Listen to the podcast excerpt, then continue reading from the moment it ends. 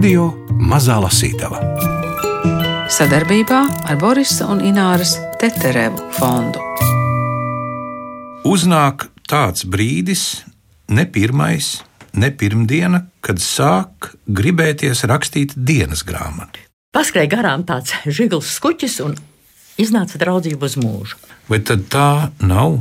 Ir lielas mākslas tempļa kāpnes, tur stāv pasaules varenie aktieri, un es tikai lieku savas nožēlojamās nešļavas šī tempļa pakājē. Tādi ir daži no Lilijas Zenes dienas grāmatas ierakstiem. Lilijas Zenes izmeklētajos rakstos ir iespēja tekstos meklēt kontekstus, arī ar savām atmiņām vai jaunatklājumiem. Teātra vēsturnieks Jānis Siliņš grāmatas ievadā raksta: Lilija Zene ir 20. gadsimta izcilākā latviešu teātra zinātniece un kritiķe, un, var piebilst, teātra rakstniece. Šajā grāmatā 26 viņas izmeklēti raksti un dienas grāmatas, kuras viņa uzticēja teātra vēsturniecei Ritai Melnacei. Šodien pie Lilijas Dzenes jau publicētajām dienas grāmatām satiekas Gunārs Āboliņš un Rita Melnace. Kā pirmkārt tās dienas grāmatas pie manis nonāca? Jo es jau neesmu ne tuvais rats, nekā, bet kaut kur jau viņas pēdējā gadā vai priekšpēdējā, kā parasti es pie viņas no rītiem mājās ieskrēju. Mēs tur šo to pārunājām, tad tās bija neaizmirstams sarunas, jo tagad jau, kā saka, tev tik daudz draugu ir viņā saulē, ka tās sarunas jau vairāk nav ar ko vest. Nu, tādā vienā tādā rītā mēs sēdējām un viņa uzreiz tā paskatījās uz mani un teica, un tad tās dienas grāmatas savējās. Es viņas novēlu tev, tu zināsi, ko ar viņām darīt. Es jautāju, vai jūs esat rakstījis dienas grāmatas, jo es visu mūžu garumā neesmu dzirdējis, ka viņi kaut ko rakstīja dienas grāmatas. Ja? Jā, viņi saka, jā, es esmu rakstījusi. Un tad, kad Lilija aizgāja mūžībā, un pēc 40 dienām viņas krustmeita un krustmeitas meita sarīkoja tuvajiem draugiem tā saucamās, nu, kā krievis saka, nu, tas rakavīci, ja? 40. dienas piemiņu. Tur bija visi viņas draugi no rakstnieku mājas, nonākuši lejā uz Lilijas trešā stāvā dzīvokļa. Ja? Es tur biju, un arī bija ieradusies Valentīna Freimana. Tikko Lilija kā bija paspējusi izlasīt Valentīnas Freimans ar Dievu Atlantīdu, un viņai uz galda vēl viņai aizejot tās grāmatas, mašīna raksts, jeb datorraksts bija. Un mēs tur visi tur tā sēdējām un runājām. Un tad es pirmo reizi nācu, uzdrošinājos atklātībai pateikt, kad Lilija teica, tās dienas grāmatas ir domātas man, es zināšu, ko ar viņām darīt. Ļoti ilgi es tās dienas grāmatas nedabūju. Bet īsi pirms Ziemassvētkiem, Ziemassvētku sestdienā, man Liena Petersona, Lilijas krustmeitas meita, tās grāmatas apveda. Nu, pilnīgi dabīgi, ka es Ziemassvētkos sāku tās grāmatas lasīt. Un tas izklausās ļoti poētiski un ļoti skaisti, bet tā bija patiesība. Es šīs grāmatas lasīju no Ziemassvētkiem līdz Lieldienām. Jo, pirmkārt, milzīga kaudze, tas ir sākus viņa ir 1961. gadā. Pārtrauca rakstīt, es šodien vēl paskatījos, oriģināls 2009. gads. Lilijas rokraksts es ļoti labi zināju. Bet jūs zināt, kā tas ir ja tu raksti sev, vai ka tu raksti, kad otrs uz mašīnas pārrakstīs. Jo Lilija neprat uz rakstām mašīnas arī pārrakstīt, kur nu vēl šodien tas būtu ar datoru. To darīja Vitols, viņas vīrs. Pēdējos darbus pārrakstījis. Tad es viņas rokrakstu zināju. Bet, saņemot šīs grāmatas, pirmkārt, jau visa mūža garumā rokraksts mainās. Un tu raksti sev vakarā, parasti divānā, ieslīgusi ar zīmolīti Un ar zīmolu kā pāvests. Ļoti daudz arī ar zīmolu un no, ar pildspāvu, tu lodīšu pildspāvu. Ja? Nu, kā nu tur, bet tas bija ļoti grūti lasāms tādā ziņā. Labi, Mēs visi esam iemācījušies pirmie trīs, pirmās divas zilbes, un pārējais jau aiziet. Ja? Nu, tā automātiski. Ja? Bet, kad tu sastopies ar personu vārdiem, kurus tu varbūt nezini, ja neesi pārliecināts, ka zini, nu, tev ir jāsaprot, kas tas ir. Es tiešām šīs grāmatas ļoti lēni lasīt. Tāpēc arī sanāca tas garais laika posms.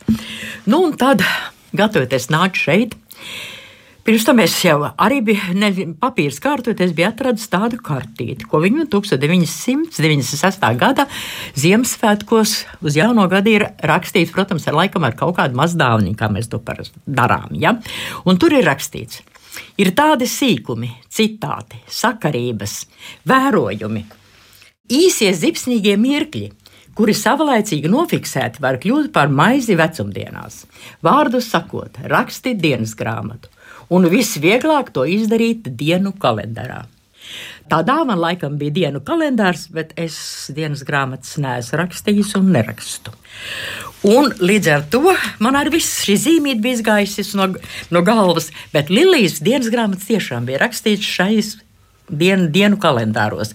Kādi nu viņi tur bija? 61. gadā tā ir vienkārša klade, un tad ir tas lielais pārtraukums no 61. gada ja, līdz 79. gadam, kad viņai, skatoties Lorenza Arčo, iespējams pēdējo izrādi, Zigis Kalniņš. Teātris direktora vietnieks kopā ar Jaunšānu. Nu tā, noteikti jokojoties, uzdāvināja vienu tādu uh, Dermatīnā, nu tāda krieva, kā ziniet, kā toreiz bija krievi, tāda dermatīnā iesiet tādos vākos. 1979. gada dienu kalendārs, ja krieviski pirmais. Un tad viņa ir vismaz nākamajā ir atstāts šis pēc pārtraukuma šī dienas grāmata. Ja? Tad iet cauri 80. gadsimtam, protams, 80. gadās ar vienu dienas grāmatu trūkst, jo Lilija savā, savā pēdējā gadā vai pēdējos gados ļoti pārskatīja savus papīrus. Ļoti daudz viņa deva teātros muzejam.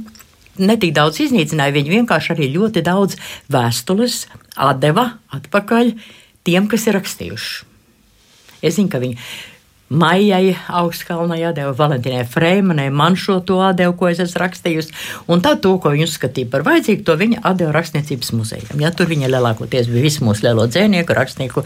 Tas vēstules nevis tādas, nu, ikdienā rakstīts, te vienam otram uz, uz tā, tās dienas izjūtām un mākslas pārspriedumiem. Ja. Bet vai mēs varam tagad ielūkoties Jā. 1961. gadā, kad laikam ir tie pirmie ieraksti? Kā es saprotu, ka tad viņa vispār sāk rakstīt, Jā. jo pirmais rakstījums ir ļoti interesants.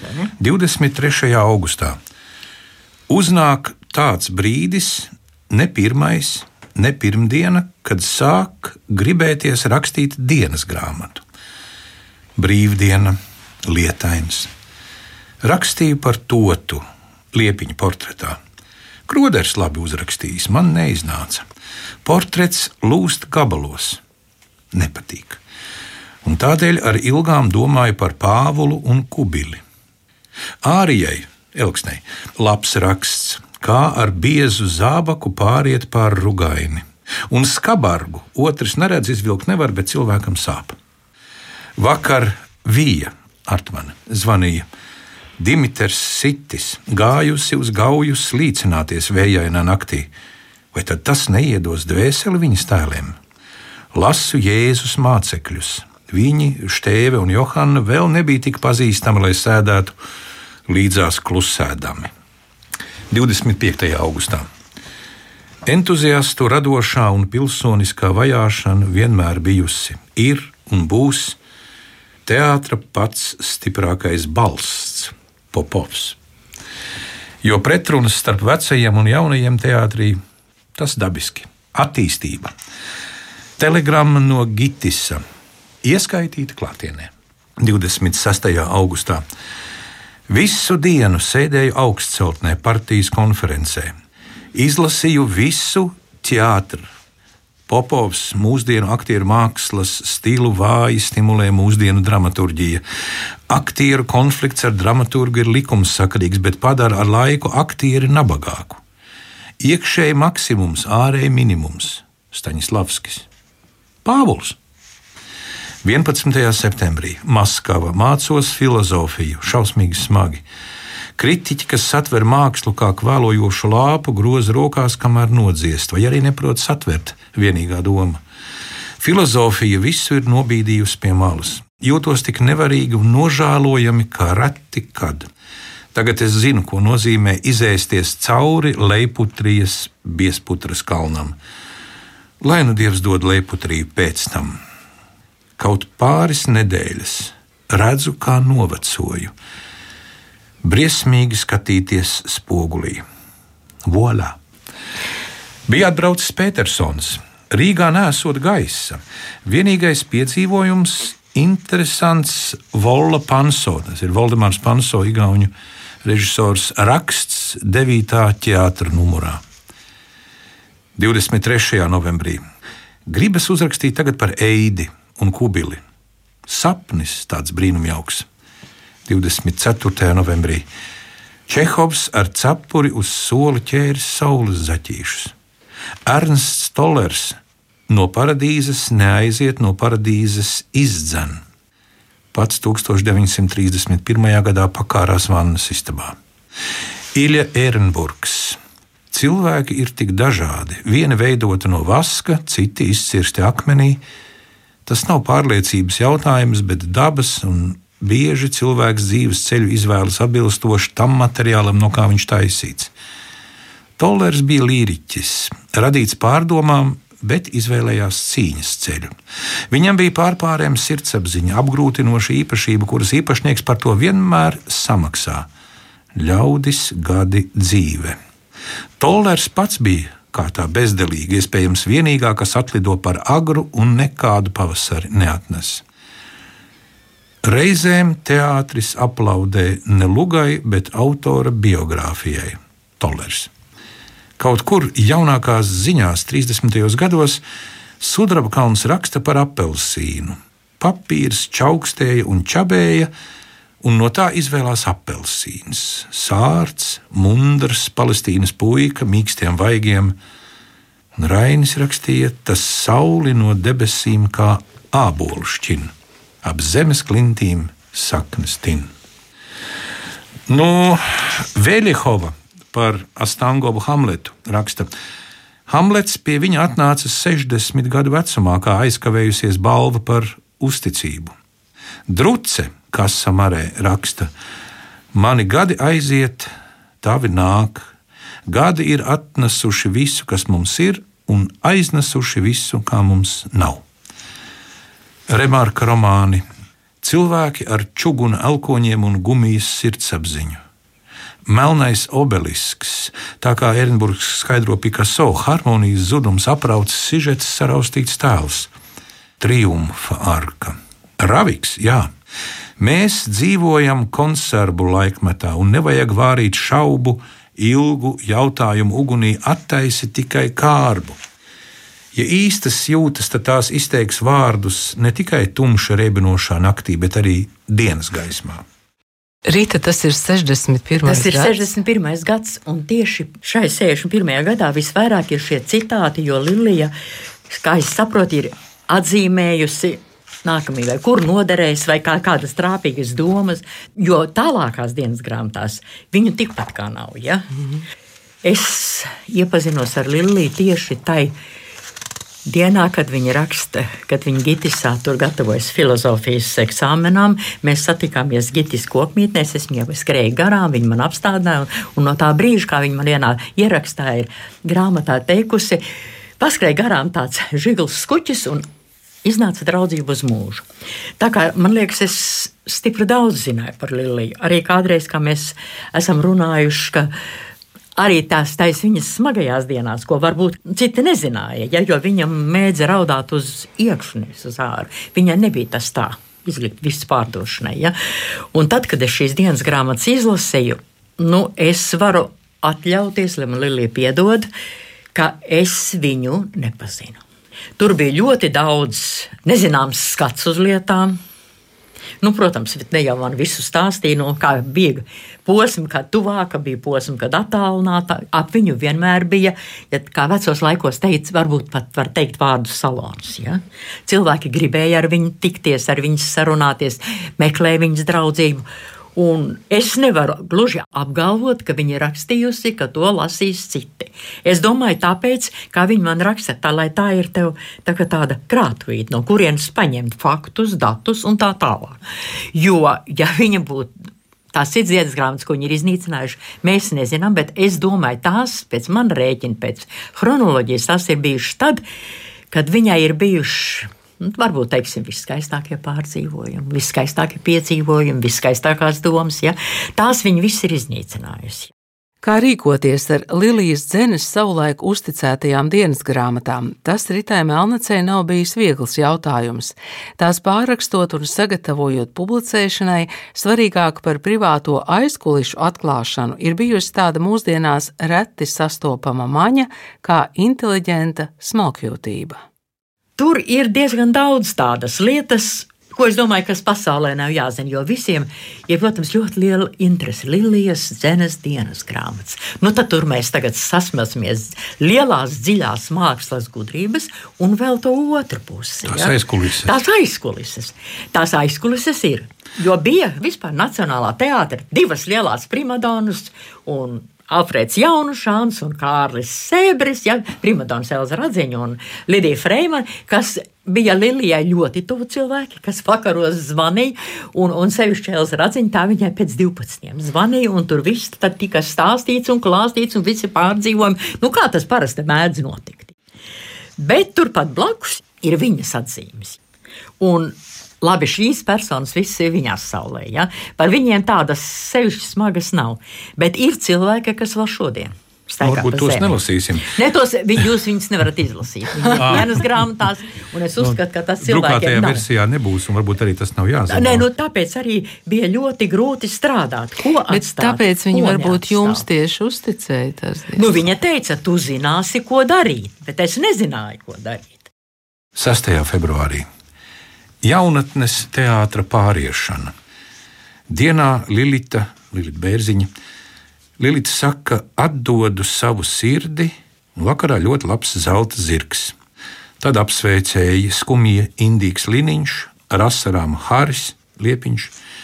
Jūsu zelta zirgs pirmo reizi atspērās uz šiem naglotajiem dēļiem, uz mūsu asarām un sviedriem, lai jums vieglāk. Šī māja ir atkal atdzīvojusies. Arī es biju tā kā pacilāta. 11. februārī rakstīju visu svētdienu, skaloju to mucu par drāmas teātri, bet iekšā vairs nekā nav. Pusnaktī tomēr sacerēju rakstiņu, lai paliek durvis pusvirus.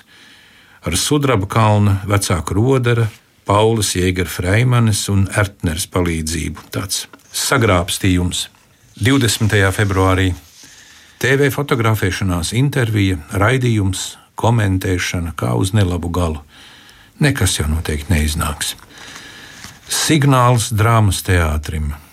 Kaut es varētu kaut kur saņemt mazu gandarījumu, saņemt mierinājumu, pēc kura tik bezcerīgi dzenos jau gadus 30. Kad? Kad? Es varētu teikt kaut brīdi, ka esmu laimīga. 22. februārī TV veco filmu skatīšanās, cik vērtīgs ir kultūra vēsturiskais materiāls un cik nožēlojami tā saucamie radošie meklējumi.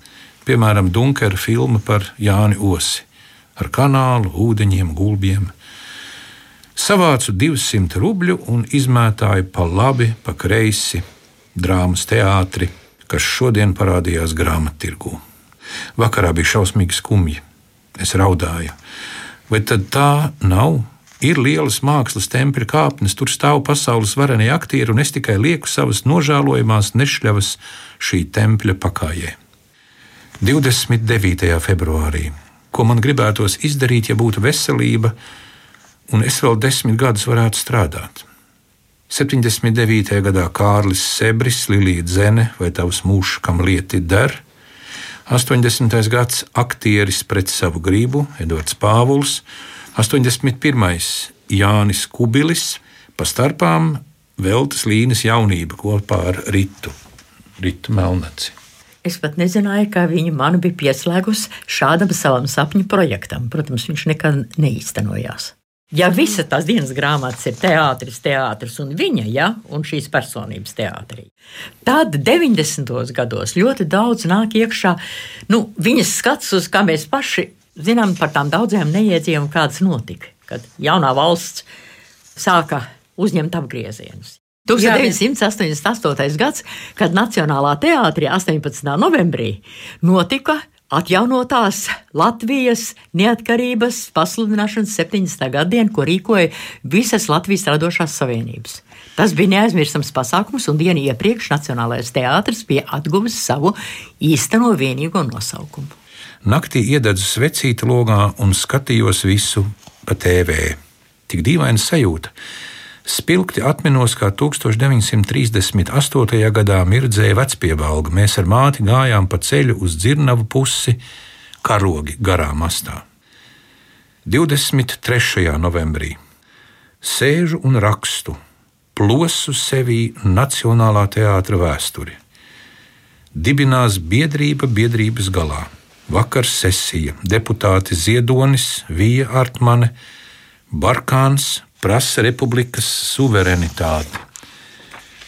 Citi pa vidu tiek par kangariem apsaukāti. Es gribu atgriezties darbā Rakstnieku savienībā. 6. martā aktieru pikets solidarizējoties ar TV un radio. Milicijas uzbrukums, Dumpis, Paukštello, Antra Lietskalniņa aizvest uz slimnīcu, Tirole, Spanovskis, Puga, Āboliņš. Liels satraukums. Mavriks brīdina no represijām trakāk nekā 59. gadā. Vētraina atmoda, Astra, Kaplinskis, Gunter, Godiņa, Impērija. 7. martā Aktiera Dumpis, Ulda Dumpja vadībā, satracinājis Rīgu. Pirms izrādes visi atvainojušies publikai par satraukumu, Dumpis, Liepiņš, Skuška ģībonī. Skuška bija toreiz milicijas augsts stāvošs priekšnieks. Mēs nezinājām, ka aktieri Lietskalniņa slimnīcā, tirgus, šņabja veikals, tulpes uz galu Gavars lasa Steinbrika ziņojumu. Pienākuši zvani, traucē satiksmi, meli. 9. martā ekstrasekretariāts par ārzemju žurnālu. Nerimstas presē ap aktīra dumpi, visi saspringti, gaida, baumas, streiku draudi, kā mājās tā pie televizora.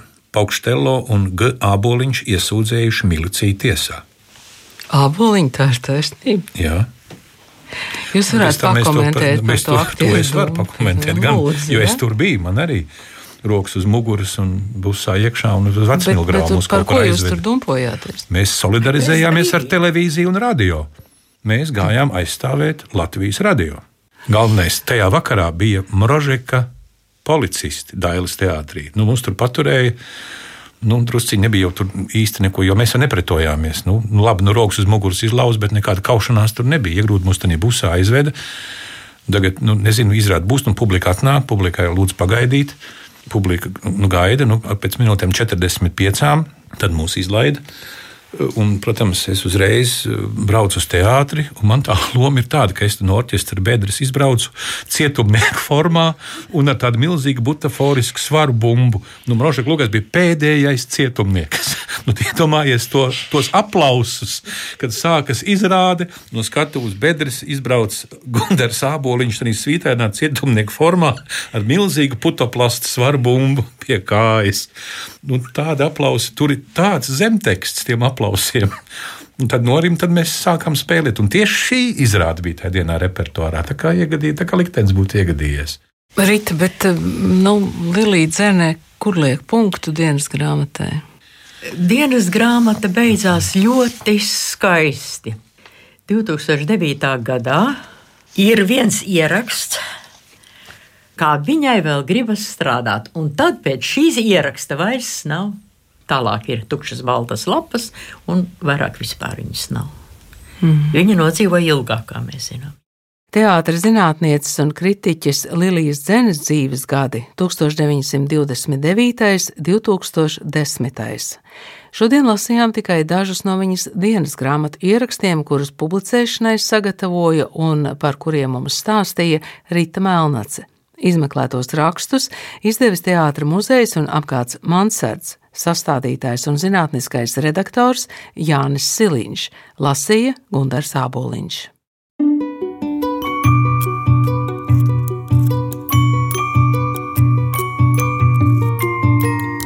Radio Mazā Lasītava sadarbībā ar Borisa un Ināras Teterevu fondu.